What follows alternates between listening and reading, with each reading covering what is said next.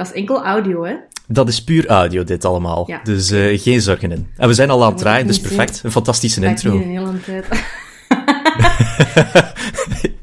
Ja, dat enkel audio. een resting bitch face zit.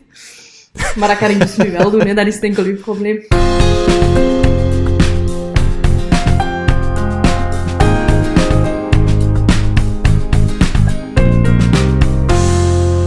Margot van der Smissen, ehm, wees welgekomen bij Onder Vier Oren.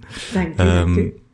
Super tof dat je dit wilt doen. Je bent mijn tiende gast trouwens, had ik ook gemerkt. Dus, eh, 10, heel dat vind ik een goed getal. Heb je zo'n favoriet getal eigenlijk? Oh nee, ik zeg dan altijd wel iets en dan maak ik daar een uitleg rond, maar eigenlijk niet. Maar ja, voilà, nu bij deze 10, hè. Voilà, hop. 10 is mijn lievelingsgetal aller tijden. Voilà. Schitterend. Hoe, hoe gaat dat met u? Eh, drukke tijden neem ik aan? Of, eh, Eh, ja, goed. Goed. Leuke tijden, drukke tijden, leuke tijden. Ehm eh, ben met veel dingen bezig en ook heel veel dingen wanhopig aan het uitstellen. Ehm, vooral ook op, op muzikaal vlak, waarom dat ik hier ook een beetje zit. Ehm, Yes. Maar eh, ervaring met podcasts eigenlijk? Of eh, is dat volledig nieuw voor u? luisteren, ja. Aan, actief aan deelnemen, totaal niet. Oké, de eerste keer. Spannend. Ja, ja. Maar gelukkig is het iets over, ehm, of gelukkig is het over iets wat dat u zwaar aanbelangt en waar dat je sowieso heel veel over kunt vertellen. Muziek. Ehm, ja, eh, laat ons gewoon eh het recht voor de raap zijn. Jij, jij hebt de laatste tijd enkele original songs uitgebracht op eh, de Spotify's van deze wereld. Hoe gaat het daarmee met de launch? Ja, goed. Ja, dat is, dat is een, een, een eh, ongelooflijk uit de hand gelopen eh, lockdown-project eigenlijk. Ehm, ik zal het misschien zo kort een beetje uitleg geven, hoe en wat. Ehm, want ik Ja. maak eigenlijk al super lang muziek.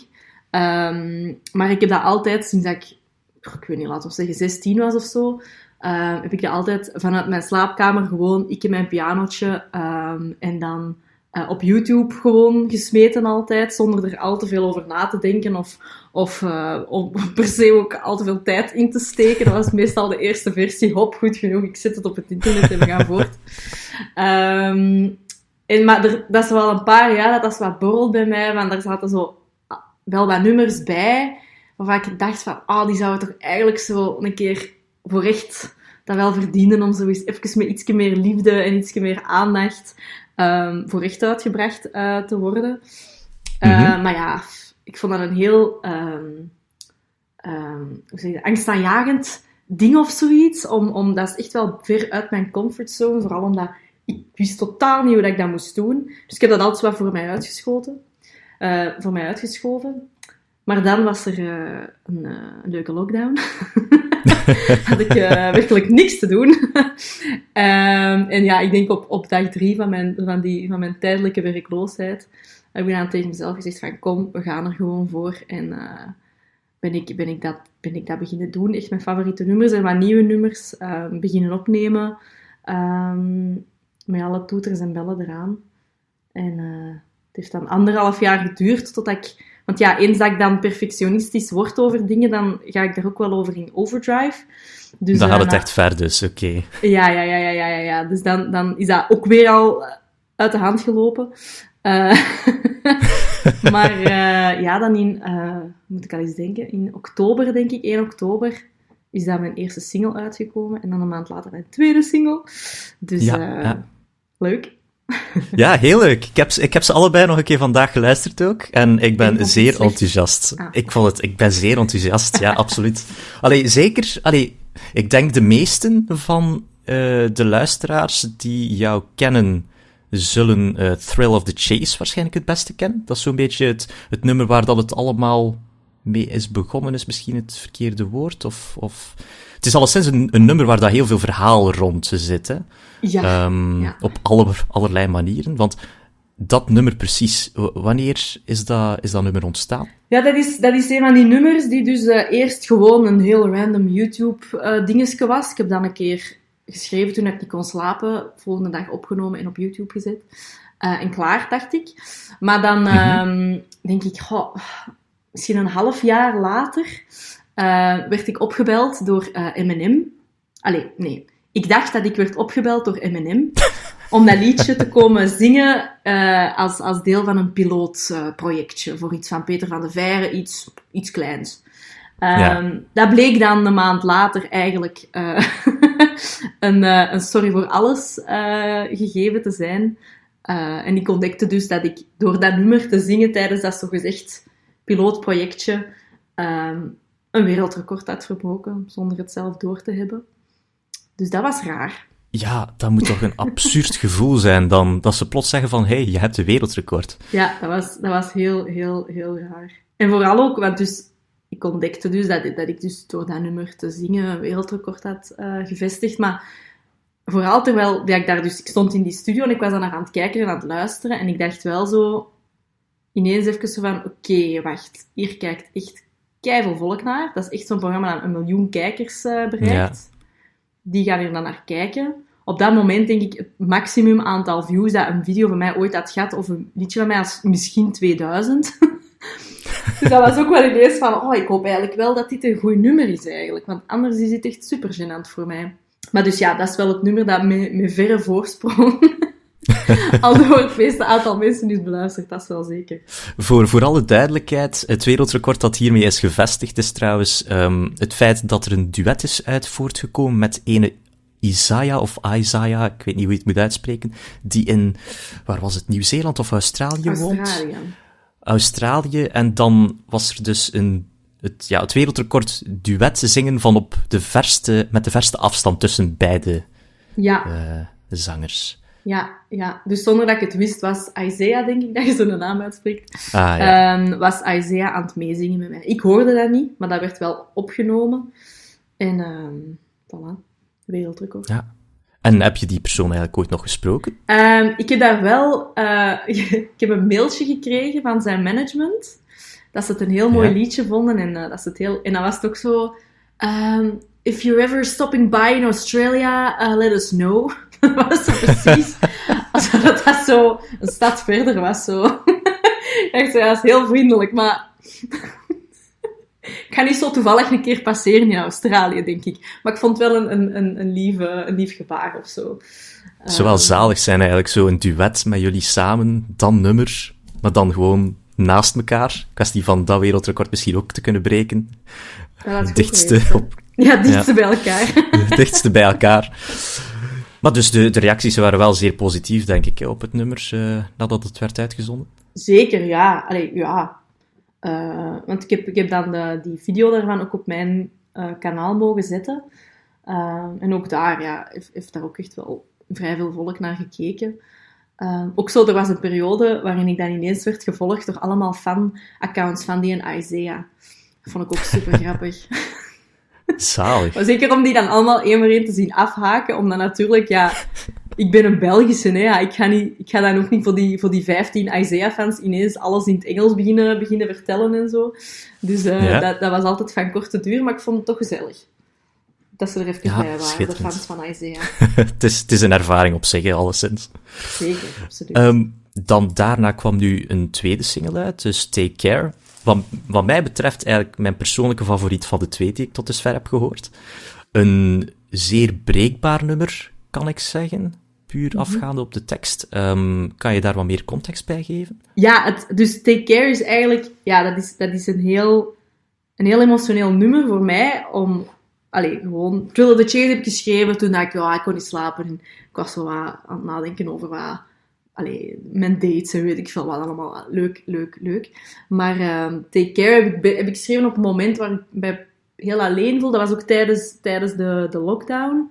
Um, en dat nummer heeft wel... Ik heb daar heel lang aan geschreven en dan heeft heel veel verschillende verhalen gekend of zo. Dat, heeft, dat is al over heel veel gegaan, dat nummer. Um, Ja. Doorheen het schrijfproces. Um, en uiteindelijk is dat ergens geland. Hè, en is, heeft dat een, een bepaald verhaal verteld.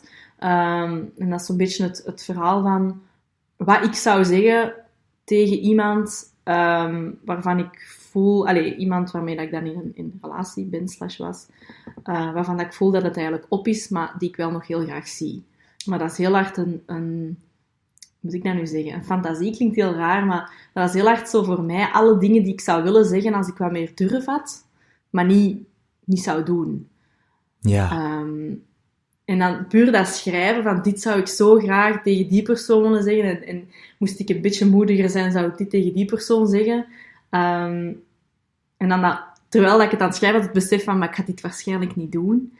Ehm, ja, dat was wel best heftig of zo. En ook om het nu Ja. terug te horen, ik weet echt zo van, oké, die drie zinnetjes, die gaan echt heel specifiek over dat, dat, pers- dat gegeven. En, en die zinnetjes, die gaan echt heel hard over dat.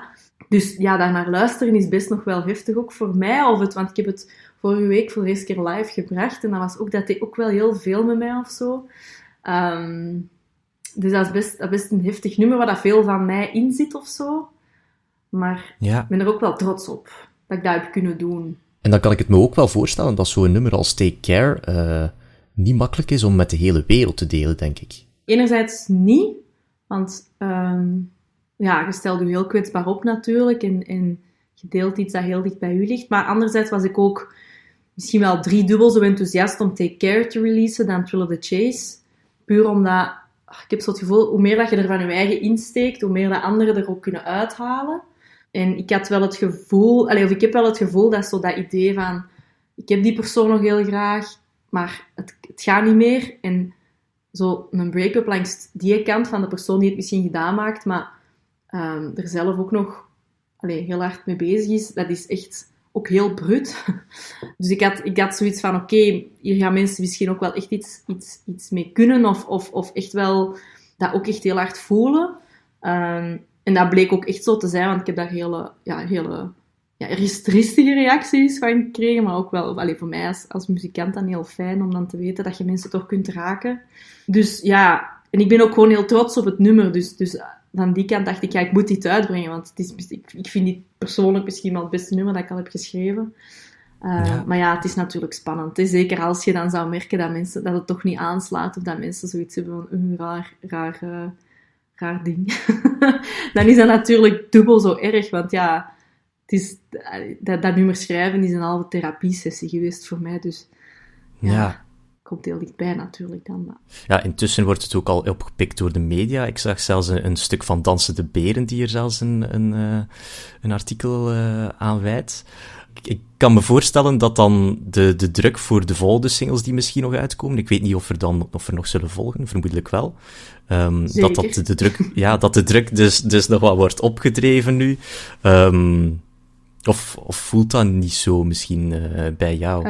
Enerzijds wel, maar want dus toen, toen ik aan het project begon, had ik heel hard in mijn hoofd van oké, ik wil een EP maken. Dat, dat was echt het, het, het project en die is nu ook bijna af. Ehm, dus die komt begin volgend jaar uit. Ehm, maar anderzijds probeer ik ook om het heel hard te blijven zien als een hobby. En ik weet dat dat heel Ja. kinderlijk klinkt, maar dat is voor mij super belangrijk dat muziek maken leuk is. Bijvoorbeeld, ik zou nooit meedoen aan The Voice. Want dan wordt uw, uw kunnen als, als muzikant, als, als zanger ineens, kan dat, kan dat iets super negatief worden. Want dan gaat het eruit liggen op een bepaald moment en dan zijn ze niet meer goed genoeg of zo. Of ik zou, ik zou nooit nu mijn job opzeggen om dan echt keihard te beginnen timmeren aan een muziekcarrière. Puur omdat dat is, dat zo'n grote bron van geluk voor mij, die muziek. En dat schrijven en daaraan werken. En mijn eigen zo een paar dagen gewoon kunnen afsluiten van de wereld. En gewoon ik en mijn muziek. En dat wil ik echt niet kwijtraken. Dus ehm, stel nu dat die volgende single het helemaal niet zo goed doet als eh Thrill of the Chase en Take Care hebben gedaan. ehm, dan ga ik dat ook oké vinden. Omdat ik echt... Voor mij is het vooral belangrijk dat ik het beste maak dat ik zelf kan maken. Dat ik achter wat ik uitbreng sta. En dat ik dat heb gedaan. Dat is voor mij de... ehm, eh, hoe moet ik dat nu zeggen? Dat is het doel. Dat uitbrengen. Ja. En, en daar het meeste uit... Allee, ik, ga, ik, ga, ik ga uiteraard weer proberen om daar het meeste uit te halen dat ik kan. Ik ga daar echt mijn best voor doen. Maar ehm, het is niet het belangrijkste dat dat 10.000 streams haalt of zo, bijvoorbeeld. Het is het belangrijkste Ja. dat ik er trots op ben. En zo probeer ik dat wel altijd voor mezelf te, te doen of zo. Ja. Ja, hoe ben je daar, hoe ga je daarin te werk eigenlijk? Is, is bij jou dan, neem ik aan, de tekst de absolute kern, of is het melodieuze daarbij ook een belangrijk gegeven? Ik ga daar eh, zeer eh, chaotisch eh, mee om. dat is echt. dat is, dat is, Dat is, dat is, uh, ik ga zo, ja, dat is, dat is, daar zit niet echt een rode draad in of een, of een vaste werkwijze of zo. De meeste nummers beginnen met zeer wazige ehm, voice memos of zo iPhone-notities om drie uur Ja. s'nachts. Dat is Ah. eigenlijk het vertrekpunt. Ja. De inspiratie die altijd s'nachts eh, binnenkomt. Ik ken het Ja, gevoel en dan ja. ervoor zorgen dat dat snel wordt opgeslagen. Kwestie Voilà. dat je dat de ochtend erop weer weet. Ja. Ja, en het leukste is dan als ik dan 's ochtends wakker word, en meestal weet ik nog dat ik iets heb opgeschreven, maar soms ook niet. Ehm, en als ik dat dan vergeet, dan zit ik zo, want ik, bijvoorbeeld, ik gebruik mijn iPhone-notities, ik gebruik dat ofwel voor eh, notities te nemen tijdens meetings, en dus voor die nachtelijke dingen. Dus het kan dan zijn dat ik dat 's ochtends ben vergeten, en dan zit ik later die dag in een heel serieuze meeting, en dan doe ik dat open, en dan staat daar echt, als zo bovenste notitie, staat daar complete waanzinnige dingen die op niks slagen, want soms trekt dat ook gewoon op niks. Hè. Die ideeën dat je om drie uur s'nachts denkt, Mhm. die zijn briljant. En dan zit je in zo'n serieuze meeting en dan zitten daar echt de meest scheve metaforen te lezen, waarvan dat je dan weet, ah ja, dit vond ik om drie uur s'nachts waarschijnlijk echt fantastisch. Ehm, maar dus dat is meestal het startpunt. Zo één zinnetje of zo één zo... En dat wordt... Allee, want bijvoorbeeld bij Take Care was dat de, wat dat nu de eerste zinnen zijn van het liedje. Ehm, en dat was dan dus... eh, ik, echt, dat was echt zo'n... Ik heb het onlangs opgezocht, om half vijf s'nachts of zo, dat ik zo... ehm, eh, wacht ja, We both know I like to people please. I've been left so much, I'll never leave. En dus dan heb ik dat opgeschreven, gaan slapen. En dan... Ja, ik vind dat zo deprimerend, dat ik dat heb bedacht. Ik vind dat echt... dat is echt mega triestig. Dus dan lees je dat en dan denk je, wow, oké, is dat hoe ik mij voel? Jesus Christ. En dan gaat het daarop voort. Dat is meestal hoe dat ik dat, hoe dat, ik dat aanpak. En je, je zegt nu ehm, de nummers voor de EP, dat, die echt, ehm, dat je daar heel perfectionistisch mee, mee omgaat. Ehm, wat zijn de voornaamste verschillen dan met de hobby-songs, zal ik ze nu even noemen, die je doorgaans op YouTube plaatst? Ehm, dat is wel ook echt een evolutie geweest. Want ik denk niet dat ik nu nog zomaar even live allee, dingen snel op YouTube ga, ga zetten. Ik denk dat ik, dat, Ja. dat ik daar nu wel volledig een klik in heb gemaakt van oké, wat ik maak moet echt goed zijn.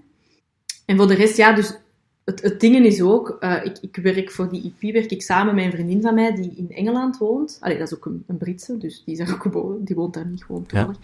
Ah, tof. Ehm, ja, dus dat is heel, heel, heel fijn. Dus ik doe eigenlijk alle... Ja, ik, ik, neem, ik neem alles op en ik, en ik maak er zo wat basis ehm, eh, structuur in en, en de teksten en de melodieën en zo, dat doe ik allemaal. Ehm, en alles van extra lijnen, dat stuur ik dan naar haar door. En dan doet zij daar ook wel een gooi naar, stuurt zij dat terug naar mij, want zij kan bijvoorbeeld heel goed gitaar spelen ook, wat ik niet kan. Stuurt zij dat terug naar mij. Ehm, en zo werken wij er eigenlijk aan. En doordat wij eigenlijk alle twee, willen wij ook altijd weer iets toevoegen aan wat de andere heeft gedaan, want dat geeft ook weer inspiratie. Dus dat is wel een hele fijne manier van werken, maar dat vertraagt natuurlijk ook heel hard. Want je zet de hele tijd zo, ah ja, tof idee, oké, nu ga ik dit doen. Eh, en dan stuur je dat door en dan is zij ook weer van, maar ja, leuk, oké, ik ga daarop voortbouwen. Ehm, dus dat is waarschijnlijk niet de meest tijdsefficiënte manier om eh, iets te maken, maar het is wel heel, een heel fijn proces of zo. Ja, fantastisch. Hoe, hoe hebben jullie elkaar leren kennen precies? Of... nu gaat dat lachen. Oké, ik, ik heb een goede vraag gesteld. Als, als dit gebeurt, weet ik van, ja, hier zit wat in. Wij hebben elkaar eh, leren kennen op, ehm, op een, eh, een, een Harry Potter conferentie in Florida. Oké, We waren daar alle twee omdat wij vroeger alle twee muziek maakten over Harry Potter. Dat was vroeger echt een, een genre. Dat heette rock, maar rock met een W van voor. En dat staat dan voor rock. Wizard Rock. Ja, ja. Ah, Ehm, en eh, dat was dus, ja, want ik, allee, ik, was echt een gigantische nerd slash geek toen ik, toen ik een opgroeide. Potterhead, zoiets. Echt met Harry Potter, niet normaal. Ehm, en ik vond het toen nog super moeilijk om muziek te schrijven over mezelf, want ik was zo nog heel, zo echt zo puberaal, zo oncomfortabel met je eigen emoties zo. Dus dan was het Ja. eigenlijk heel handig dat er zo een hele community was van mensen die gewoon nummers schreef over andere fictieve personages in hun leven. Dus dat hebben wij dan alle twee dus ook gedaan. En dus daar hebben we elkaar eh, ontmoet. En dus voilà. En nu nog altijd eigenlijk ja, super goede vrienden eh, geworden. Eigenlijk steeds betere vrienden. Ehm, maar Maar dus ja, dat is altijd een beetje gênant om uit te leggen. Oh ja. Het, Je zo'n ik- hele uitleg over je artistiek proces met uh, al je inspiratie. En dan als puntje bij paaltje komt, is gewoon, ja, wij schreven liedjes over Harry Potter. Maar ja, kijk. ehm, je, je moet het met onderwerpen doen wat die je leuk vindt uiteindelijk. Hè? En dan, eh, dan is Harry Potter een, een voorbeeld. Ik, allee, ik, ik ken u ook gewoon via, via jouw YouTube-kanaal. Ik, ik heb daar ook dingen zien passeren waarbij dat ik dacht van, ha, tof, leuk, een nummer over pizza. Een keer gewoon pizza. Want eh, zoals je inderdaad zegt, eh, het moet plezant blijven. De, wat, wat zijn zo nog van die, van die nummers waarbij dat je nu denkt van, goh, eigenlijk wel komisch dat ik dat heb zitten schrijven? Van alles, echt wat ik. Want ik, heb, ik heb, moet wel heel eerlijk toegeven, ik heb heel veel van mijn dingen dat op YouTube stonden op eh, privé gezet. Ehm, omdat gewoon, ja, nu zou ik nooit meer ehm, dat soort dingen maken. Maar ik heb het wel niet weggesmeed, want ik kijk er wel soms zelf nog graag naar. Want ik vind het fantastisch dat ik met zoveel enthousiasme gewoon echt de raarste shit op YouTube zette, zonder ook maar mij iets aan te trekken van... Allee, want ik, op dat moment, ik studeerde aan de universiteit, mijn klasgenoten keken ernaar, die vonden dat waarschijnlijk super raar. Maar ik trok me daar niks van aan. En ik vind dat eigenlijk wel cool van, van mezelf of zo. Ja. Uh, maar ik had bijvoorbeeld een liedje, wat was dat nu? Dat heette Super Sad. En dat ging over, hoe zat het nu weer? Een superheld. Die, ah ja, een superheld die was super verdrietig. Want die woonde in een stad waar eigenlijk niet zoveel um, crime gebeurde of zo. Dus die kon dan af en toe zo wel eens een kat redden uit een boom, maar die had zo niet, allee, die had zo niet de grote uitdaging, dus die verveelde zich, zichzelf eigenlijk. Ja. Dus daar maakte ik dan liedjes over en heel de videoclips en zo. Super uh, poëtisch allemaal. maar wel super tof. Allee, uh, dat vond ik toch alleszins. Ik um, ja, voilà. Uh, hoe, hoe is die liefde voor muziek eigenlijk ontstaan? Heb je daar een idee van? Uh, ja, het, het, mijn mama die vertelt altijd heel graag over, als het zo, hey, je kent zo ouders die stoeven dan zo waar over hun kinderen of zo, aan het kerst, kerstfeest en zo. Oh ja. Mama die vertelt oh, ja. altijd dat ze zo, zelfs al op rapportjes van de kleuterschool, kreeg je dan zo terug van, uh, dat ik altijd, hey, dat zo, als, als de kindjes zongen, dan was mijn stem altijd het luidste en Margot die kon nooit stoppen met zingen en hahaha, Margotje die zong altijd zo graag. Dus dat is eigenlijk altijd een beetje een evidentie geweest voor mij. Ik heb ook nooit, ik zie zingen niet zo heel snel als een talent of zo. Ik weet, piano heb ik echt moeten leren. Ik ben echt naar de muziekschool moeten gaan om piano te leren. Maar dat hangt ook af. Ik heb denk ik ook gewoon puur genetisch gezien handige stembanden of zo. Want ik heb nooit moeten leren zingen. Ik kon dat eigenlijk ja. altijd wel ongeveer. Ik ben, allez, ben daar veel beter in geworden, want ik heb ook zangles, zanglessen gevolgd en zo. En als ik nu kijk, ik heb ook op, opnieuw privé op YouTube uh, een filmpje van mijn allereerste optreden aan de, aan de muziekschool. En ja, dat is natuurlijk, dat, allez, in, in vergelijking met hoe dat ik nu zing, trekt dat op niks, maar dat was ook wel een Adele-nummer, als allereerste nummer dat ik ooit... Ja, allee, snapte? Na een paar lessen, dus ik heb, ik heb ook wel gewoon de goede stembanden om, om, om te zingen. Um, en dat is denk ik puur genetische chance. Alhoewel dat mijn ouders totaal niet kunnen zingen, dus van waar dat, dat komt, ik weet het niet. Maar um, dat is altijd wel gewoon een, een, vast ingrediënt van mijn leven geweest, of zo. Ik heb ook vanaf, vanaf tweede leraar ben ik pianolessen beginnen volgen. Dus ja, dat is eigenlijk nooit, nooit niet geweest dat muziek mijn, mijn ding was of zo. En was dat dan klassiek gescho geschoold um, binnen de muziekschool? Of, want bijvoorbeeld, ik heb zelf piano gestudeerd toen ik zes, zeven jaar was of zo. En dan waren ze, dat zo de Bachs van deze wereld die dan op de piano moesten gespeeld worden. Um, ik weet niet of dat bij jou ook zo was. Ja, ja, ja dat, was echt, uh, dat was echt met een examen op, op het einde en met ja. verschillende graden en zo. Dus dat was echt, ja, ja, echt klassieke, klassieke piano. Dat trouwens kei erg is, want ik heb dat dus al super lang niet meer gedaan en ik kan helemaal niet meer zo goed piano spelen. Ik heb dat echt twaalf jaar gedaan of zo, dat is iets verschrikkelijk. Maar, um, uh, dus ja, ja, echt, echt uh, jarenlang echt klassiek van, van basisgraad naar middelbare graad naar hoger. Echt zo het, het, het klassieke muziek, muziekschooltraject. Maar dat is dan anders dan het pianospel dat je nu doet natuurlijk. Um... Ja, ik ben echt veel slechter geworden. Dat is echt super frustrerend. Echt slecht? Eigenlijk, eigenlijk moet ik terug pianolessen volgen, heb ik bedacht voor mezelf. Maar ik heb er geen tijd voor, dus ik ga het niet doen. Maar eigenlijk zou ik het wel moeten doen.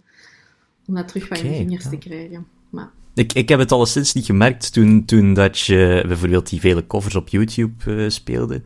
Um, dat, is, allee, dat is de manier waarop ik jou heb ontdekt, de vele covers uh, op YouTube zijnde. Uh, hoe bepaal je welke nummers um, een cover verdienen op jouw kan kanaal? Was dat dan puur omdat ze in jouw geval dan heel leuk waren, of hangen er nog andere zaken aan vast? Dat is ook weer volledige chaos. allee, er is werkelijk niks doordacht aan heel mijn muzikale, tussen veel aanhalingstekens, carrière. dat is echt... Op een bepaald moment heb ik ergens op zolder een ABBA, nee, sorry, een ABBA uh, songboek gevonden. Dus dan deed ik ineens heel veel covers van ABBA, omdat ik dat dan leuk vond. En ook heel veel, ja... Ik, ik volgde omdat ik, vind, ik vind het zo spijtig, dat, dat, dat is zo niet meer een ding. Zo, zo YouTubers die het gewoon doen omdat het leuk is of zo. Dat is nu heel hard gecommercialiseerd. En ook als je kijkt naar zo Vlaamse YouTubers, dat is ook allemaal vooral dat vloggen en, en, en, en, echt zo. En dat is allemaal perfect oké, maar dat is totaal niet wat, dat, wat dat ik zou kunnen doen. En dat is zo een, een hoekje van YouTube, dat, zo wat, dat zo wat is gestorven. Zo, hè? zo dat gewoon zo klein, uh, kleine creatieve projectjes. Ik vind dat wel super spijtig. Maar vroeger was dat echt, ja, ik was ook geabonneerd op allemaal mensen die ongeveer hetzelfde deden als ik. Um, dus ja, en dat was super tof, want je haalt ook inspiratie uit elkaars dingen. Hè? Um, en ik weet wel, na, na het, allez, dus ik ben dan ook, ben ook een tijd echt gewoon publiekelijk dan gestopt met muziek, omdat ik dan eigenlijk enkel nog dingen schreef, maar eigenlijk niet meer uitbracht of zo. Dat ik ook voelde dat het echt zo veranderd was. Dat als je iets van, van, van views wilde nemen, moest je al zo de dag nadat Billie Eilish haar nieuwste single uitbracht, moest je zorgen dat je dan dat nummer coverde. En dan zouden echt... Eh, want ik heb dat een paar keer per ongeluk gedaan. En dan vond ik dat bijna... Want dat waren dan niet per se de dingen waar ik het meest trots op was, maar die haalden dan wel ineens keiveel views, gewoon omdat dat zo het juiste was in het algoritme. En dat vond ik heel... Dat, oh, dat vond ik heel creatief. dat, dat beperkte mijn creativiteit heel hard of zo. Dus dat is dan bij mij ook echt wel wat uitgedoofd daardoor. Oké, want wat, wat deed je op dat ogenblik eigenlijk het liefste? Covers schrijven of, of uh, covers spelen of uh, eigen nummers schrijven? Um, ik vond en ik, ik vind die mix nog altijd heel leuk. Ik vind dat je ook heel veel bijleert van andere muziek bestuderen um, en er je eigen ding van maken. Um, dus ik, die combinatie vind ik echt fantastisch, super tof. En het, het, het ding is ook gewoon een nummer schrijven, daar kruipt echt wel wat meer tijd in en daar stikt ook veel meer van je eigen in. Maar iets coveren, dat, is, dat is puur... Allez, voor mij is dat puur entertainment, dat is puur amusement voor mij. Dat is gewoon... Allez, als ik mij wat down voel, dan... dan allez, zet ik een Fleetwood Mac nummer op en dan speel ik wat mee of zo en dan ben ik weer gelukkig. Dus voor mij is dat puur gewoon... Echt hobby eigenlijk. Uh, zijn er bepaalde inspiratiebronnen geweest ook voor jou? Mijn dramatische liefdesleven. Ja, ik, ik, ik dacht... ik Ook zo die stilte daarna. Uh, Oké, ja. ik, ik, heb mijn, ik heb mijn vraag iets, iets te ver, een beetje verkeerd geformuleerd. Ja, het dramatische liefdesleven zal eerder geweest zijn, maar ik bedacht van, misschien zijn er ook artiesten die een inspiratiebron zijn geweest. Naast het dramatische liefdesleven, Sorry, inderdaad. ik kon het niet laten liggen. Ja, nee, geen uh, probleem. Humor, altijd leuk. Voilà, voilà. Oh ja, oh, artiesten. Er is, er is één iemand dat echt zo mijn... Allee, die haar muziek lijkt eigenlijk totaal niet op wat dat ik maak. En ik, ik, maar ik zit daar zo altijd zo over in denial. Maar zo, er is, dat is een Ierse uh, artiest, die heet Orla Gartland. En dat is ook iemand die is begonnen met gewoon heel veel dingen op YouTube te doen. En nu is hij echt keihard op doorbreken. En die heeft net haar eerste volledige album uit. En dat is echt... Ik wil die zijn als ik groot ben. Ik denk dat die even uit is als mij, maar dan nog. Um, en die, hoe dat, hoe dat die ook gewoon doorheen haar carrière al is en hoe dat je die uh, creatief ziet zijn met beperkte middelen. Alleen nu iets minder, want ze is echt wel aan het upscalen, maar eerder in het begin van haar carrière. Vond en vind ik echt super, um, super inspirerend. Um, dus dat is iemand waar ik echt... Uh, kijk, dat, dat, is ook echt een van de weinige mensen waar ik echt zo naar uitkijk. Wanneer, allee, vanaf dat ik weet dat hij een nieuw nummer uitbrengt, ben ik echt van... Oh, wat gaat het zijn? Dat gaat weer fantastisch zijn. Ik weet dat hij mij niet gaat teleurstellen. Oké. Okay. Um, en dus je gaat dat misschien zoiets naar luisteren en dan gaat echt denken, huh? Want... Ja, ik, ik ben vooral benieuwd, wat, wat voor genre moeten we dat, en wat voor genre moeten dat we dat veel meer wat indie rock of zo. Dat is echt wel veel met harde oh. gitaren en met drums. Dus ik zeg het, slaagt echt nergens op dat ik dit nu zeg, want dat, dat, dat, dat matcht totaal niet qua vibe. Maar ehm, dat is wel echt iemand waar ik echt ehm, naar opkijk. En waar ik ook, als ik het allemaal even niet weet of zo, dan ga ik bijvoorbeeld een van die jaar liedjes analyseren. Eens zien hoe, wat heeft hij nu eigenlijk gedaan, waardoor ik dat zo'n leuk liedje vind. Ehm, hoe zitten die akkoorden in elkaar? wat doet hij van drums? Wat doet hij van dit? Wat doet hij van dat? dus dat is wel zo'n persoon dat ik echt heel ja, heel fijn vind om te volgen en om zelf ook creativiteit uit, uit te halen. Ja, fascinerend. Want inderdaad, zoals je zegt, qua, qua genres met, met jouw materiaal dan, uh, ligt dat niet helemaal op dezelfde lijn. Totaal niet. Was het voor jou meteen duidelijk van, ik wil de, de richting de pianoballade, zal ik het noemen, kant uitgaan? Of zijn er ook momenten geweest waarbij dat je dacht van, ah, ik wil wel een keer iets harder proberen? Misschien dat dat nog komt op die EP, maar kan het maar vragen. Nee. nee, Spoiler, nee. um, ja, ik moet zeggen, zo die, um, die hele gevoelige, intieme, um, breekbare muziek is wel hetgeen waar ik mij altijd... Ik beland daar altijd wel terug. En dat is wel iets wat ik, wat ik graag een keer wil uh, anders doen. Want ik zou graag eens een keer echt zo'n echt zo'n goede vette pop-track willen maken. Maar soms probeer ik dat, maar dan uiteindelijk beland ik toch terug in minder, minder, minder, minder gevoelig, gevoelig, intiem, kaars aan, licht uit. Die vibe. Mm ja.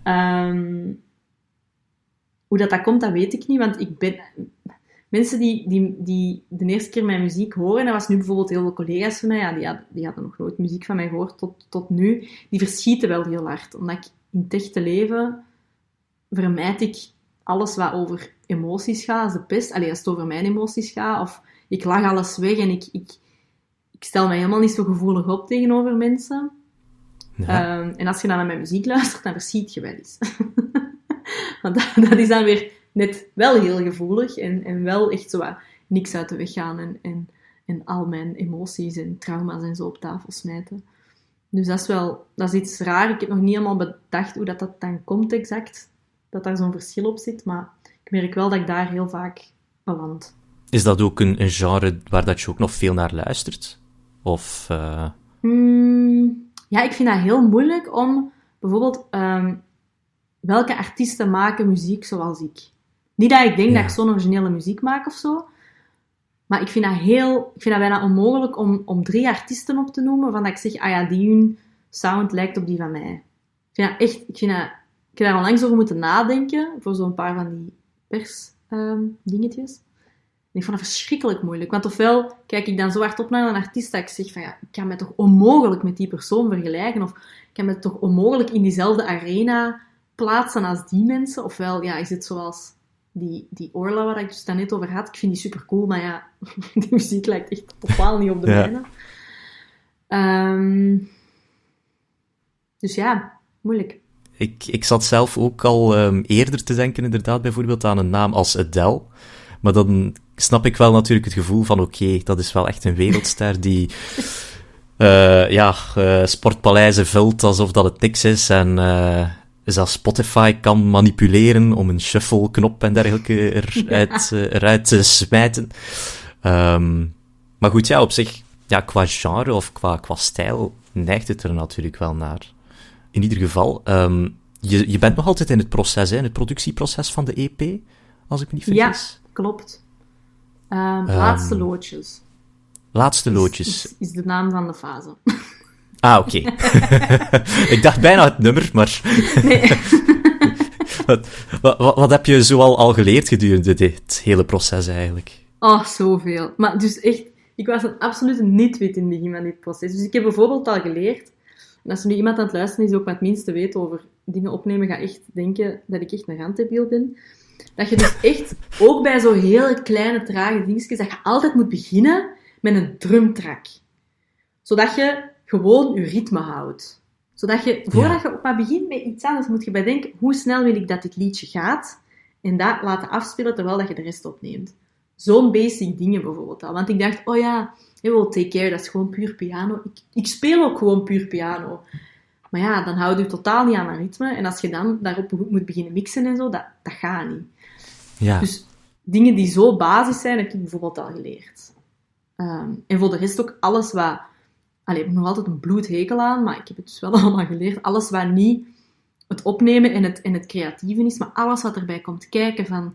Hoe krijg je dat nu op Spotify? Wanneer moet je dat nu releasen? Hoe moet je dat aanpakken? Hoe moet je zorgen dat er wat buzz komt voor je release? Hoe zorg je ervoor dat dat een beetje relevant blijft? Dat zijn allemaal dingen waar ik eigenlijk nog altijd bijna niks van weet, kan ik heel eerlijk zijn.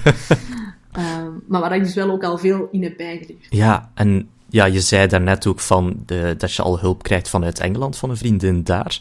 Um, zijn er daarnaast nog andere mensen die, die jou verder hebben geholpen, tips gegeven? Uh, mijn volledige vriendengroep tegen... Allee, niet dat ze daarvoor hebben gekozen, maar uh, verplicht.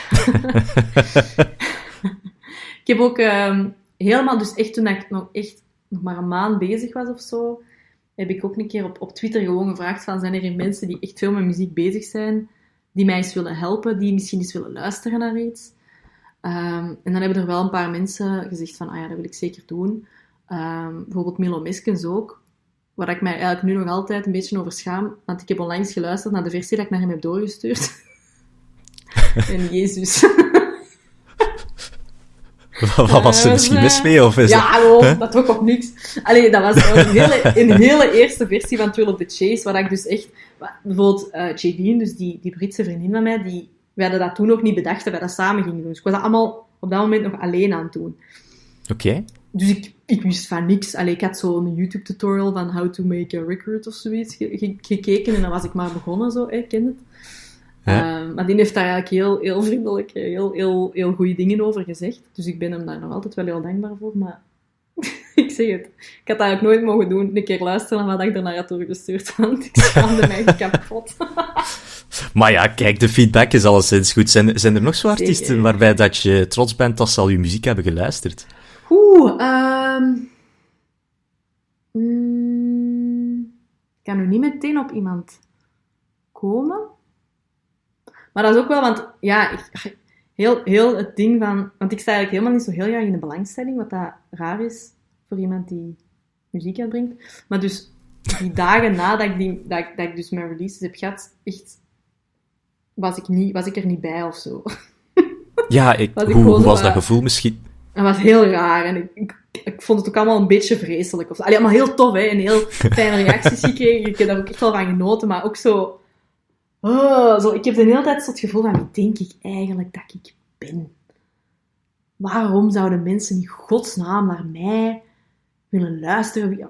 Waarom, waarom moet ik nu weer muziek uitbrengen of zo? Dus dat, dat heb ik de hele tijd van, pff, pff, muziek op de wereld, waar ben ik eigenlijk mee bezig? Dus, en dat gevoel overheerste altijd heel erg die eerste paar dagen, dus ik bleef dat ook allemaal een beetje in een roes of zo. Um, Ja. Dus ja. En weten Daar dat er ik nog een... zo'n goed antwoord op geven. Ja, en ja, natuurlijk, er moet nog een EP komen. Eh, ja, dat die, allee, die, die hype is er nu wel al eh, deels, maar dat kan enkel nog maar groeien, denk ik, eh, met hetgeen wat nog komt natuurlijk. Ja, ja, en ik moet dat ook echt zo... Ik moet, dat moet ik echt deftig doen, want mijn beste vriendin, die werkt in een PR-bedrijf. Dus die, is mij al heel, die was al helemaal kwaad, omdat ik, omdat ik daar dus totaal geen plan voor heb. En die heeft zoiets van, allee, kom aan, idioot, hoe kun je nu zoiets doen en iets maken waar je trots op bent en dan niet eens bijvoorbeeld een... Ze wilde dan dat ik nu release-event zou doen of zo. En dat, dat ik dan Ah. een klein concertje zou doen. Maar echt... Huh? het idee alleen al dat ik de pretentie zou hebben om aan mensen te zeggen, kom maar eens luisteren. Je moet het niet eens vanuit je living doen, je moet ook nog eens naar een plek komen op het moment dat ik heb bepaald en dan ga jij naar mijn muziek luisteren. Daar kan ik dus al niet mee om. Maar dus, eh, die is mij zo aan het dwingen om dat toch te doen. Ehm, ja, moeilijk allemaal. Ach, je, je- je kunt een listening party starten of zo, online dan, dat is op zich ook nog hypen, of... Ja, maar ze, Ja, En ze heeft een punt, hè, want ik ben er echt trots op. Dus ik moet er eigenlijk ook gewoon echt moeite in steken om ervoor te zorgen dat mensen daarnaar luisteren. Ehm, maar ik vind het zeer moeilijk. ja. Wa- wanneer is voor jou een song echt af? Want als ik dat allemaal zo hoor, die lat ligt zo hoog.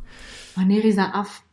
Er is altijd een moment, want dus, ehm, dus Dean, dus eh, die Britse vriendin van mij, die heeft Mhm. echt zo music engineering gestudeerd. Oké. En op een bepaald moment begint hij mij dingen door te sturen. En dan zegt hij, ja, ik heb dit en dat nog wat getweakt. En dan, heel eerlijk, ik hoor dat verschil niet meer. En vanaf dat ik geen verschil meer hoor, dan denk ik, oké. Jij hebt hier nog iets beter van gemaakt. Ik hoor het verschil niet meer. Het zal wel goed zijn. Ja. Want ik ben wel echt oprecht, en nu ga ik... Ik weet dat ik daarnet heb gezegd, ik haat in de aandacht staan, dus nu ga ik zeggen dat dat, dat, dat helemaal eh, weer ligt of zo. Maar ik kan echt vijf keer na elkaar naar mijn eigen muziek luisteren. Oké. En dat is, en dat is ook wel altijd een goed... Ik vind nog altijd een goed teken. Ik kan nog altijd echt... Als ik nu Thrill of the Chase opzet en ik doe zo, zo de repeat-knop, maar als je dat zo twee keer op doet, dan repeat dat zo gewoon dat nummer. Ja, Ik kan inderdaad. denk ik nog altijd gewoon drie keer naar elkaar naar luisteren, zonder mijn eigen te irriteren. En dat vind Ah, ik wel een goede... een goede maatstaf of zo. Absoluut, je want ja, grootste fan en zo. inderdaad, want ook wetende, je zei het daar denk ik net ook al, je hebt al opgetreden met die nieuwe songs ook. Ehm, Ja. Hoe, hoe maar is ook dat nog maar één geweest? keer hoor. Ah, oké. Ja, ja, ja. ja, één keer. En dat vond ik dus ook al zeer lastig in mijn hoofd. Ehm, maar dat was voor een, eh, voor een, eh, een liefdadigheidsorganisatie. Ehm, dus dat, dat ging dat weer in mijn hoofd. Want die mensen waren daar Ja. dan ook niet voor mij. Ik was dan gewoon het randentertainment dat het allemaal nog een beetje leuker maakte. en dan kon ik dat aan. Schitterend. Maar is, is dat iets wat je plant te doen naar de toekomst toe? Echt gaan optreden met jouw setje songs? Of, eh, In theorie, ja. In praktijk, hm. Want dat, ja, ik zeg het, ik heb het, daar- ik heb het daar heel lastig mee. Met, met, met te bedenken wie zit daar in godsnaam op te wachten. Ehm, en, en gaat, want dat is, ook, dat is weer een hele andere skill, hè. Live spelen. En ik heb al heel vaak zo 1, 2, 3, 4, misschien 5 liedjes gezongen. Maar zo, dat is iets anders dan echt een, een echt optreden of zo. Wat dat, wat dat echt is van, oké, hier straks komt Margot hier eh, optreden en jullie gaan er naar luisteren. Ik vind nog iets helemaal anders. Daarvoor ligt de lat ook weer tien keer hoger dan als het inderdaad zo is van eh, een keer ergens vijf liedjes zingen of, of weet ik veel wat. Ehm, en dat is ook weer iets waar ik totaal geen kennis van heb. Van, ik had nu onlangs weer iemand vroeg, ah, we doen dit en dat, zou je eens in zitten om uur te komen spelen? En ik had zoiets van, ja, wil ik wel doen, maar ik bedoel, ik heb, ik heb een piano en ik heb een microfoon, maar ik heb ook niks, ik heb, ik heb niks van apparatuur of zo. Ik ken daar ook allemaal niks van, dus dat vind ik nog een heel beangstigend gegeven of zo. Dus daar, ja, daar ben ik zo mentaal nog niet helemaal of zo. ja, want als er dan zo toeren en dergelijke bij komt kijken, dan komt daar een manager en dergelijke bij kijken waarschijnlijk. En Ja, dat is, dat is eigenlijk heb ik zo iemand nodig die, die dat gewoon allemaal voor mij regelt. Ja, En die gewoon tegen mij zegt, maar gewoon morgen moet je daar zijn. En dan zou ik dat wel kunnen, denk ik. Maar alles zelf moeten, moeten regelen en, en zo pers aanschrijven, oh, dat is verschrikkelijk, hè? Dat is echt, dat is, dat is, dat is vreselijk. Ik heb er gigantisch veel stress van. in ieder geval, dus mocht er tussen de luisteraars een verdwaalde manager zitten die Ja. nog een beetje ruimte heeft, Die Margot zeer veel is... geduld eh, heeft, Zeer veel geduld, ja, is, Ja. is dat... eh, Oké. wel nodig gaan zijn. Dan ehm, ben je bij Margot van der Smissen aan het juiste adres alleszins. ja, kijk, ehm, laat, ik even, laat ik even doorgaan naar een, een segmentje dat ook telkens eh, terugkeert in, in de podcast. Ehm, dat is namelijk de plaat van de maand.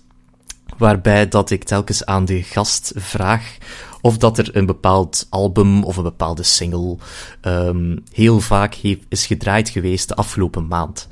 Dus eh, normaal zie vraag ik dat eigenlijk op voorhand, maar ik dacht van ik ga nog een keer gewoon recht voor de raap eh, dit gewoon tijdens de opname zelf eens vragen. Margot, wat heb jij zo al zitten luisteren de laatste tijd?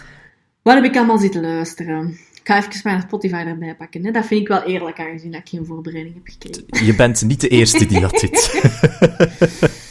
Ehm, ja, waar dat ik dus heel veel naar heb geluisterd, is... eh, ja, nu ga ik echt...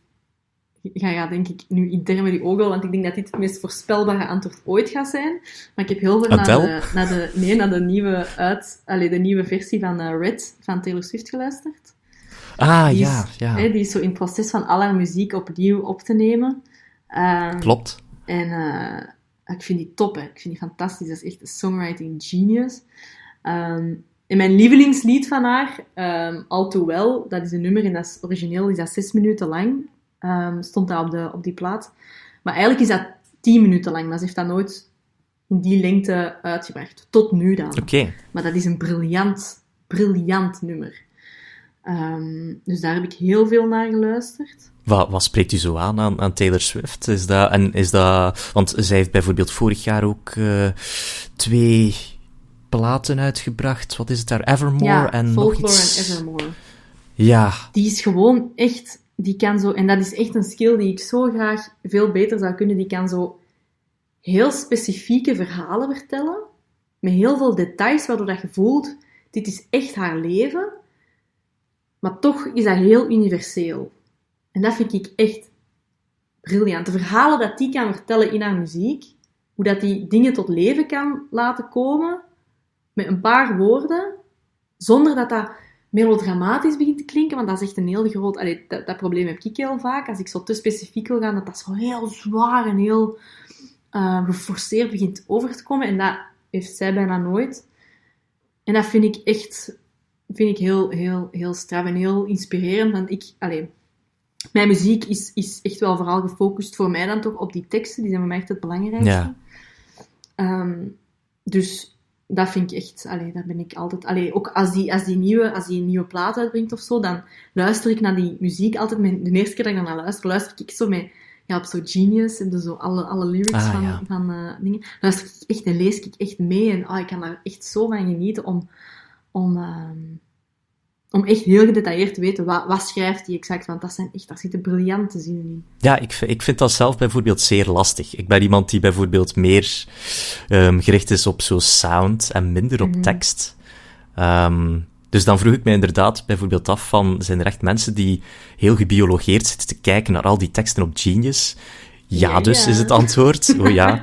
Uh, maar ik, ik, allee, ik neem aan dat dat niet elke keer het geval is, maar dat je ook gewoon los, als het ware, kunt luisteren naar die muziek. Uh. Zeker, ja, ja, ja. En allee, ik, kan ook, ik luister naar echt superveel, dus dat hoeft ook voor mij niet altijd de, de lyrische genieën te zijn of zo, maar Mm uh, -hmm. er zijn zo'n paar artiesten van ik weet van oh, die teksten, als ik daar nu echt naar kijk, dan ga ik echt, uh, gaat dat echt nog iets extra met mij doen en dan doe ik dat ook wel. Ja, ik, ja Taylor Swift, Lana Del Rey zal waarschijnlijk ook misschien uh, mm -hmm. een, een artiest zijn die in die richting gaat.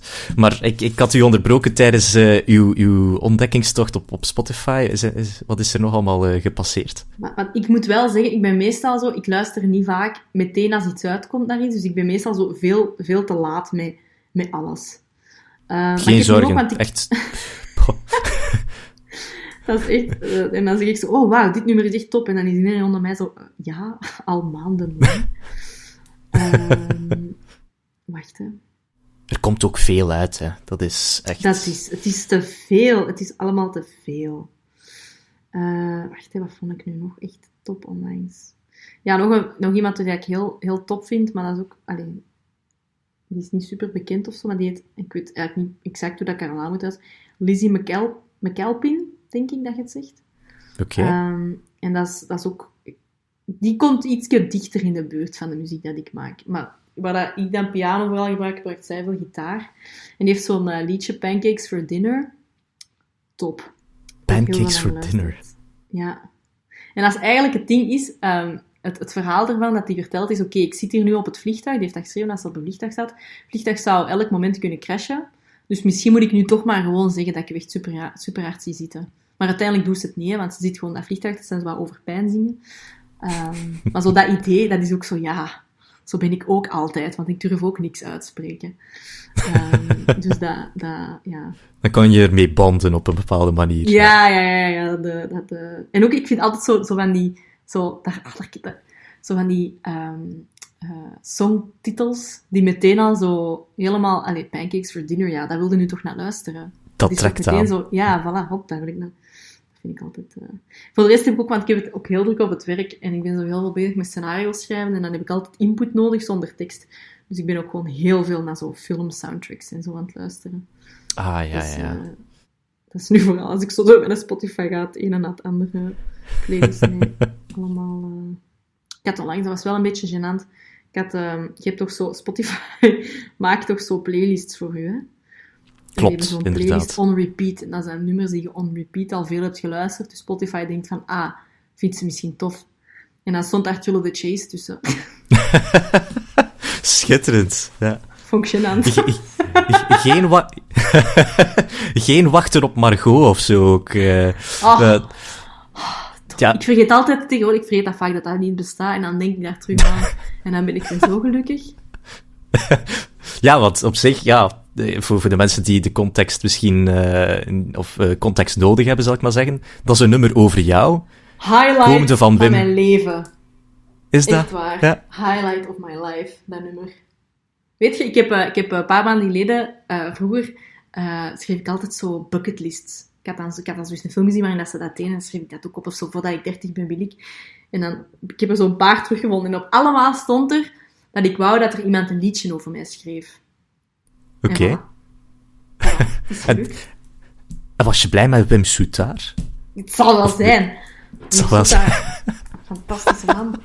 Ja, ik kende de man enkel als idool-finalist en zijn allemaal die door dan ook Maar je moet- allemaal kijk, wordt gezongen. Ik moet wel even heel... We gaan het even gewoon... Ik ga het even uitleggen, hè. Dus, eh, hè, dus dat was ook een ding van Sorry voor Alles. Maar mijn Ja. vrienden... Dus, nee, ik ga het anders vertellen. Altijd tijdens mijn studententijd was, en eigenlijk nog altijd, allemaal van Wim Soetaar was echt mijn anthem. Ik zette dat altijd op wanneer ik kon. Als dat zo in, hè, op zo'n studentenfeestjes, als dat begon te spelen, echt, ik ging uit mijn dak. Dat nummer was echt top. Maar voor de rest, het was niet dat ik een superfan was van Wim of zijn repertoire kende of zo.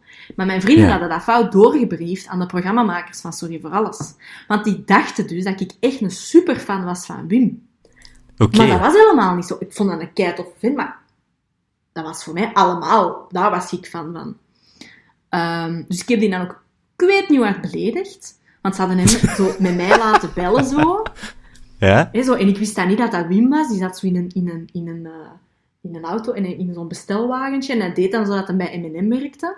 En die belde mij zo. En hij vroeg zo wat dingen van, ah, en wat voor, eh, wat voor liedjes eh covert je dan allemaal? En ah, zitten er dan ook Nederlandstalige liedjes bij? En ik zei dan van, ah, ik heb on- onlangs bijvoorbeeld allemaal van Wim Soetaar gecoverd. En dus Wim, maar Wim Soetaar, maar ik wist dat niet. Vroeg hij mij, ah, maar Wim, ah, wat zou die zo nog allemaal doen tegenwoordig? En ik zei dus tegen Wim Soetaar, wauw, nee, niet veel, denk ik. Ik denk dat hij gewoon zo aan het teren is op zijn ene hit. Want ik heb dat daar tegen gezegd, hè. Tegen de man die een lied over mij heeft geschreven. Hoe erg is dat? Ah, juist, ik was dat vergeten. Ik, eh, ik niet. Ik word daar soms nog ineens zo kennen, zodat je zo wakker schrikt, zo. maar wel echt, echt even, Wim, meest sympathieke man ooit, want... Dus ik heb daar tegen gezegd, hè, en ook heel Vlaanderen ging dat door, wat dat ik niet, niet per se zo tof is of zo. En na de opnames van eh, Sorry voor Alles, want die was er dan ook, eh, is hij naar mij gekomen en heeft hij gezegd, zeg, trouwens, jij kunt keis gewoon zingen, wilde jij niet de backing vocals inzingen van de studioversie van Wachten op Margot, die op mijn album gaat komen? Oh, Dus dat was eigenlijk super cool. Ik heb dat dan ook gedaan, uiteraard. En dat was mega leuk. Dus echt, crème, crème, crème van een vent. zalig, zalig. En, en Ja. eh, is, is dat nog iemand waar dat je soms nog eh, nu mee spreekt? Of is dat nu echt een Wij zijn eh, Instagram hoofdstuk? buddies. Oké, toch. We zijn, Ja. we zijn mutuals, zoals dat de kids dat zeggen. En eh, soms, eh, soms eh, liken wij eens een keer iets van elkaar, hè? zoals dat dat gaat. Twee homies. Zo gaat, zo gaat dat in de business, hè. Zo, zo Ja, gaat dat dan, hè. Collega's onder elkaar. Schitterend. Oh, geweldig, ja. In ieder geval, eh, plaat van de maand. Ehm, het- ik, ik heb doorgaans ook een plaat van de maand eh, voorbereid. Eh, in dit geval ook natuurlijk. Dat is dan Sneeuwmail geworden met Valentine. Ik weet niet of de artiest jou iets zegt. Ja, ik heb daar ooit... Er is één nummer, denk ik, dat ik daarvan ken. Ah, wel, ik, zo ik, hun ene grote hit. ja, het, ik, ik haal het ook aan bij jou, omdat je sprak daar over indie rock. En dat is ook iemand die volledig daarin zit. Ehm, het is een, een indie rock eh, zangeres genaamd Lindsay Jordan, die nu pakweg 22 jaar is. En eh, met Valentine heeft ze nu haar tweede LP uitgebracht. In 2018 kwam haar eerste uit, Lush, wat ik toen in 2018 zowat de beste plaat van dat jaar vond. En eh, het, is, het is gewoon die melancholische indie rock waar dat ik altijd voor val. Oh, zalig. ja, Ah, sorry, de- 22. Ja, 22. Daar dus die heeft daar... ongelukkig van. Waarom? Die is zo jong en die heeft al twee platen uit. En die is super Ja. succesvol. Dat is toch Ja, om Ja. te blijten gewoon. 18 jaar was ze toen dat haar debuutplaat uitkwam. En eh, dat werd een van de beste platen van het jaar, volgens Pitchfork en, en de Rolling Stones van deze wereld. Ja, f- enfin, zo'n Ah ja, beetje de Ja, Pristine is denk ik zo wat het nummer. zijn inderdaad heel veel naar geluisterd. Maar ik was die helemaal vergeten. Het is goed dat je dat zegt. Ik ga er nog eens naar luisteren. Ja, echt, als, als ik er eentje moet uitpikken van haar eerste plaat, is het wel Pristine. Dat is zo, Mhm. alleen al die gitaar is fantastisch. En nu bouwt ze daar wat op voort op haar tweede plaat, Valentine, waar dat ze ook wat meer experimenteert, met synths bijvoorbeeld. En ik vind het een geslaagd project. Ik ga niet zeggen dat het even goed is als haar eerste, maar nog altijd zeer goed. En zeker eh, het vermelden waard voor plaat van de maand. Nog andere eervolle vermeldingen die ik had neergeschreven eh, voor de luisteraars waren eh, de nieuwe van Stikstof. Vond ik ook zeer goed. Eh, The War on Drugs en The Vaccines. Dat zijn zowat eh, de platen die deze dagen vaak bij mij werden geluisterd. Nog een ander segmentje dat doorgaans eh, aan bod komt in de podcast is, wel, aanvankelijk was het altijd een vooruitblik op de maand, maar de laatste paar maanden is het vooral een terugblik op de maand geworden, want dat is hier tel- telkens wat aan het opschuiven qua, qua opnametijd. Ehm, de releases van, de, ja, van deze maand, in november, eh, zal ik eens overlopen. Op 5 november is er eh, al uitgekomen nieuw materiaal van ABBA, Amy Mann, Brian Fallon, Bullet for, My Valentine, Curtis Harding, Diana Ross, Emma Ruth Rundle, Hammock, Nathaniel Rateliff and the Night Sweats, Parcels, Portrayal of Guilt, Radiohead, Snail Mail, Steve Perry en Sylvie Kreusch, zeg je het zo? Ik weet het niet, maar in ieder geval de ex-vriendin van eh, de Warhouse-man, eh, Maarten de Volderen. Eh, op 12 november kwam, ehm, kwamen er platen uit van Cody Jinks, Courtney Barnett, Damon Albarn, Endless Boogie, French Montana, Idols, John Hopkins, Little Mix, Mesker en Mees, Novastar, Portica Quartet, Silk Sonic, Susanna Halfs en de Dodo's. Op 19 november hadden we dan nieuwe platen van Adele, Brian Wilson, Converge en Chelsea Wolfe, Deep Valley, Elbow, Holy Other, James Blunt, Makaya McCraven, Baby She Will, Mr. Twin Sister, Of Robert Plant en Alison Krauss, Snoop Dogg, Sting, The Darkness en Willie Nelson. Elke keer serieuze boterhammen, het is, het is verschrikkelijk. En dan op 26 november komt er bijzonder weinig uit. Waarschijnlijk door Black Friday, gok ik. Maar ehm, nieuwe platen van Black Label Society, Cynic, Dan Sartain, gok ik. eh, Julie Doiron en Sun O. Dat is het zowat. Ja, ik, ik, vroeg het, ik vroeg het daarnet al een beetje, maar... ehm, of, of je zei het beter gezegd al daarnet, ehm, dat wanneer dat er nieuwe platen uitkomen, dat je ze niet meteen eh, beluistert. Hè? Dat is bij jou ook met enige achterstand dat dat eh, wordt ingehaald? Ja. Of... Ja, ik moet altijd, zeker dingen waar ik echt naar uitkijk, ik moet er altijd het juiste moment voor kiezen. Ik wil dat die een eerste keer dan gaan luisteren, dat dat klopt. Dus als, ik- als, ik, als het bijvoorbeeld, als het een, nu ga ik misschien een beetje gek klinken, maar als het een plaat is die in mijn hoofd tijdens de regen zou geluisterd moeten worden, en als het dan pas twee weken na die release begint te regenen, dan ga ik daar ook echt wel mee wachten. Oké. Of, of als ik zo voel van, ah, dat gaat echt zo ehm, iets heel melancholisch zijn, dan ga ik daar enkel naar luisteren als ik een keer naar rijd als het al donker is. Ehm, dus ik probeer altijd zo'n momentje te vinden dat ik... eh, want bijvoorbeeld die nieuwe plaat van Silk Sonic, die is blijkbaar echt top. Maar ik heb nog Mhm. niet bedacht wanneer ik er naar wil luisteren. Ja, ik, ik snap het gevoel wel volkomen eigenlijk. Want ik, ik doe het op dit ogenblik, eh, heb ik zo een, een, een ritme waarbij dat ik ehm, probeer om iedere dag twee albums te luisteren. En ik heb zo een soort van loop gecreëerd, waarbij dat ik om de twee weken overschakel naar een nieuwe lading aan platen. Dat zijn dan zo zes Hm. albums in twee weken telkens. En ik geef ze dan zo'n viertal luisterbeurten. Maar die luister ik denk ik op de meest vervelende of foute momenten dat je ze zou moeten luisteren, inderdaad. Zoals, goh, wat, wat heb je daar? Eh, wat zit er nu bijvoorbeeld in die lijst? Goh. Ja, nee, ik kan u even niks zeggen, maar stel, stel u voor dat je Adele aan het luisteren bent wanneer dat de zon schijnt en je aan het fietsen bent. Ja, Ik denk niet dat dat... Dat klopt niet, want dan is het bijvoorbeeld van in de wagen wanneer het donker is. Dan, of thuis. Ja, Ja, dat is, dat is echt een avondplaat. ja. Zijn, zijn er nu zo platen geweest van het, dit jaar tot dusver, waarbij dat je het gevoel had van, ja, dit is mijn plaat van het jaar? Of... eh, Ik vind dat jij moeilijke vragen stelt, Kim. Ik weet het, sorry. Eh, dat hoort een beetje bij, bij onder vier oren, gok ik zo. Wacht, hè. Ik ga, ik heb, ik, ik heb- weet je wat mijn probleem is? Ik luister, ik luister heel niet gestructureerd ook niet. Dus ik vind het altijd heel moeilijk om, om, om dat van buiten te... Ja, dus die nieuwe plaat van Orla Gartland is echt wel... Allee, dat is, dat is echt de plaat voor mij. Ja. Maisie Peters heeft ook haar eerste plaat uitgebracht. Ik weet niet of je die kent. Dat is een hele jonge singer-songwriter uit, eh, uit Engeland. Ehm, vind ik ook echt top. Ja, ik weet... Is het Vrouwtje of... Ja, Vrouwtje, denk ik. Die, eh, dat is, kent je die? Dat is, dat is ook dat is een meid die net of zo. Ja, en die heeft zo'n liedje Ik wil dansen. Dat is echt... Dat is echt mijn, mijn lockdown lied geweest dit jaar. Ja? Ja, dat is echt eh, een heel, een heel tof, tof, toffe Nederlandse artieste. Ehm wacht, wat zijn nog dingen waar ik naar heb geluisterd? Ik heb ook wel heel graag geluisterd naar ehm Lord, haar nieuwe album. Serieus? Ik weet dat heel veel mensen dat echt Oh. verschrikkelijk vonden, maar voor mij was dat zo, dat, dat is het juiste soort album voor... Toen dat, dat uitkwam, was dat heel juist qua, qua, qua vibe voor mij. Ehm, Ja? Ja, er waren heel veel momenten dat ik, dat ik daar echt goed naar kon luisteren. Goh. Ehm, Ja, ik was ja, meer fan het. van melodrama. Ja, ja, ik, nee, ik ook, hè. Maar dat, Ja. dat is weer meer een plaat... Daar moet ook voor op de juiste moment van je leven naar luisteren. En dan aan melodrama. Misschien wel, ja, klopt. Ja. Dus... Allee, want dat is ook zo, dat zo'n zo een moppetje met mij, zo, een uh, vriendin met mij, zo. Je kunt toch zo soms zien, ehm, als iemand... Naar wat dat iemand luistert op Spotify, hè. Ja, En als je dan ziet dat iemand naar Liability van Lord aan het luisteren is, dan moet je checken of alles oké is. Ah, zo. Ça va met u?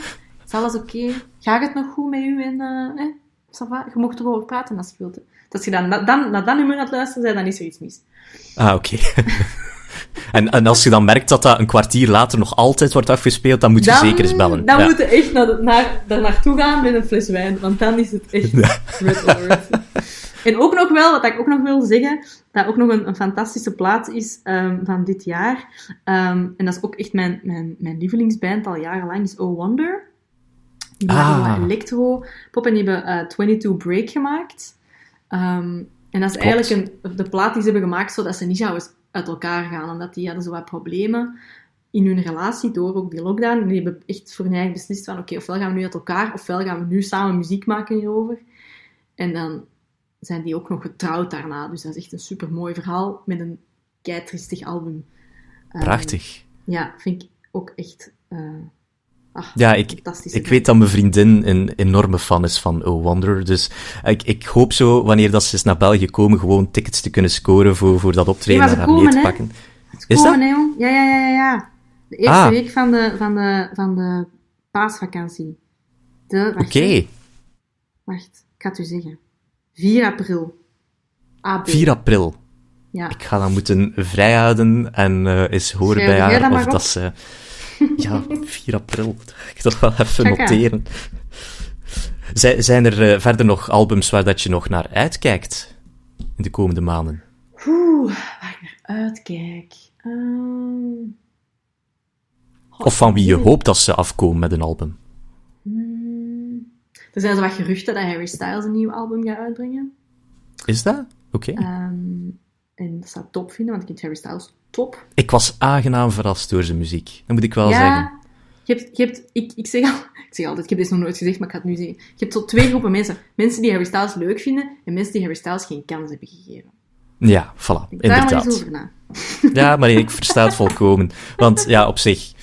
One Direction heb ik een kans gegeven, omdat ja, je geeft er automatisch een kans aan, want het, je wordt ermee doodgegooid op bepaalde radiostations in de, in der tijd dan.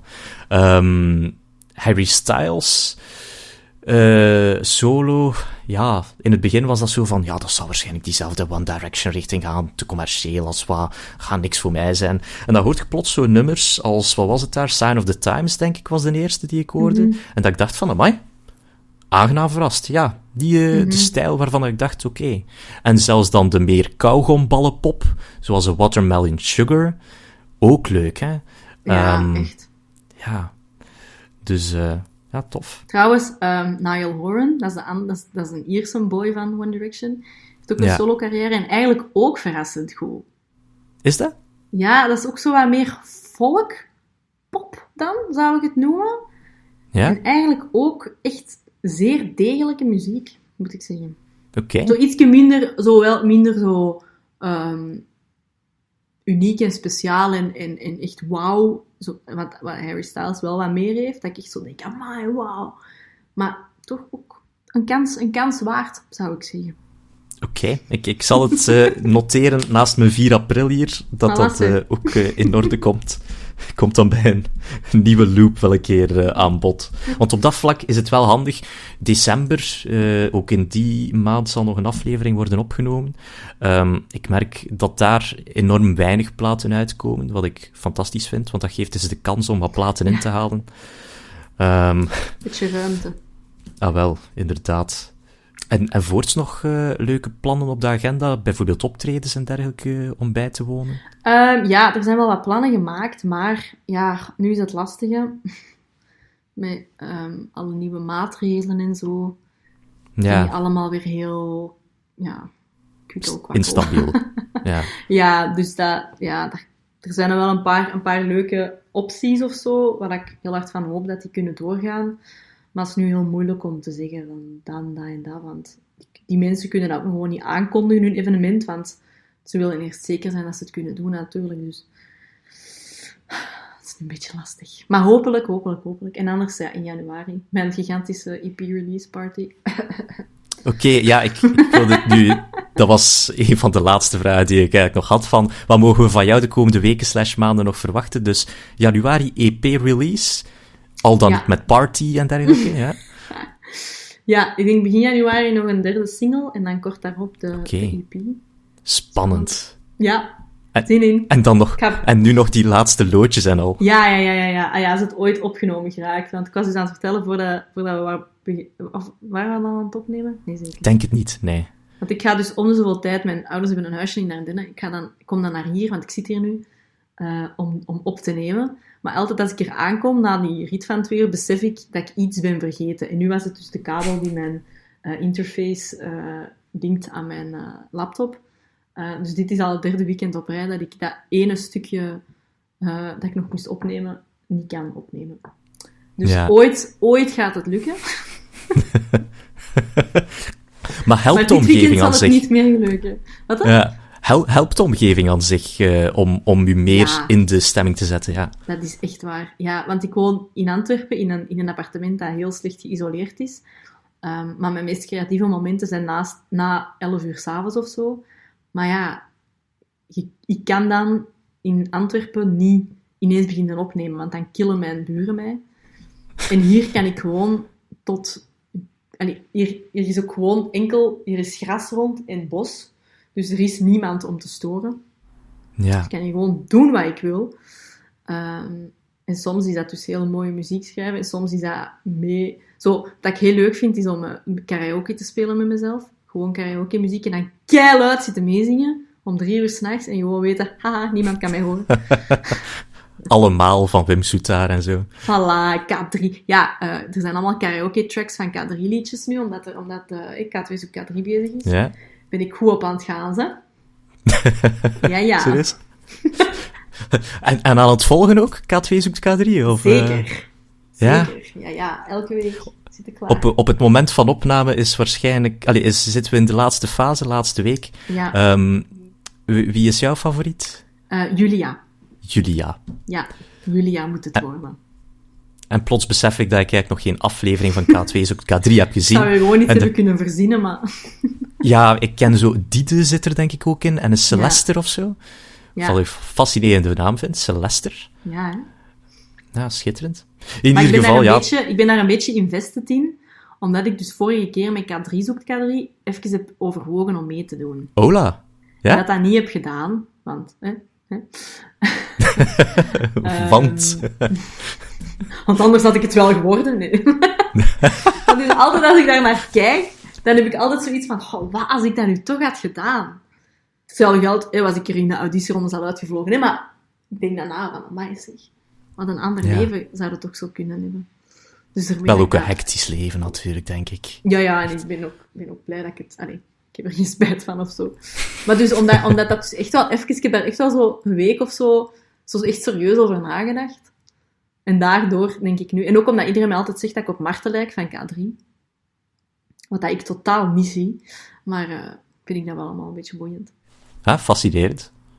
Zwat, in ieder geval, uh, K2 K3 is, uh, is gaande en uh, waarschijnlijk gaat de luisteraar tegen de tijd dat dit online staat al kunnen weten of dat jij het bij het rechte eind hebt of niet. Spannend. Spannend, spannend, spannend.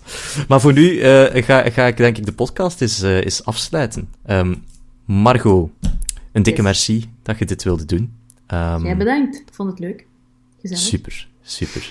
um, Voorts wil ik ook um, ja, uh, nog zeggen dat de podcast uh, op, ja, op eerst en vooral uh, op alle mogelijke podcastplatformen te vinden is die je maar kunt inbeelden. Spotify, zo het platform dat denk ik de meeste gebruiken, maar ook iTunes. Nee, ik moet Apple Podcasts zeggen. Ik zeg altijd iTunes, maar het is Apple Podcasts en Google Podcasts ook. En sinds kort staan we blijkbaar ook op Checkpot. Um, een, een app die uh, werd gemaakt, denk ik, door Belgen, um, waar dat je ook reviews en dergelijke kunt Oeh. achterlaten op podcasts. Ik zou zeggen, laat u gaan, geef het een 10, geef het een 0 als je het echt niks vindt. Um, en zet er maar ook even wat... Toch liever een 10. En dan misschien... Allee, mocht je een 0 geven, geef er wat context bij. Wie weet dat ik daar ook iets uit bijleer. Maar ook niet te gemeen. Dat misschien ook, inderdaad. Uh, ah, fantastische combi hier. Echt, ja. love it. Zo, die backing vocals voor een promo-praatje zo. Hey. Echt multifunctioneel hier, Margot. Um, Voorts ook te vinden op uh, Facebook. We hebben daar een Facebookpagina waar dat quasi niks gebeurt, buiten dan te zeggen van, hey, er is een nieuwe aflevering. En um, ja, maar ik ga dat proberen weer wat meer op te trekken. Ook al zeg ik dat ook al drie maanden of zo in deze podcast. Zwat, um, luisteraar, Margot en nog vele anderen een dikke merci. En um, dan hoor ik jullie heel graag bij een volgende keer. Salutjes.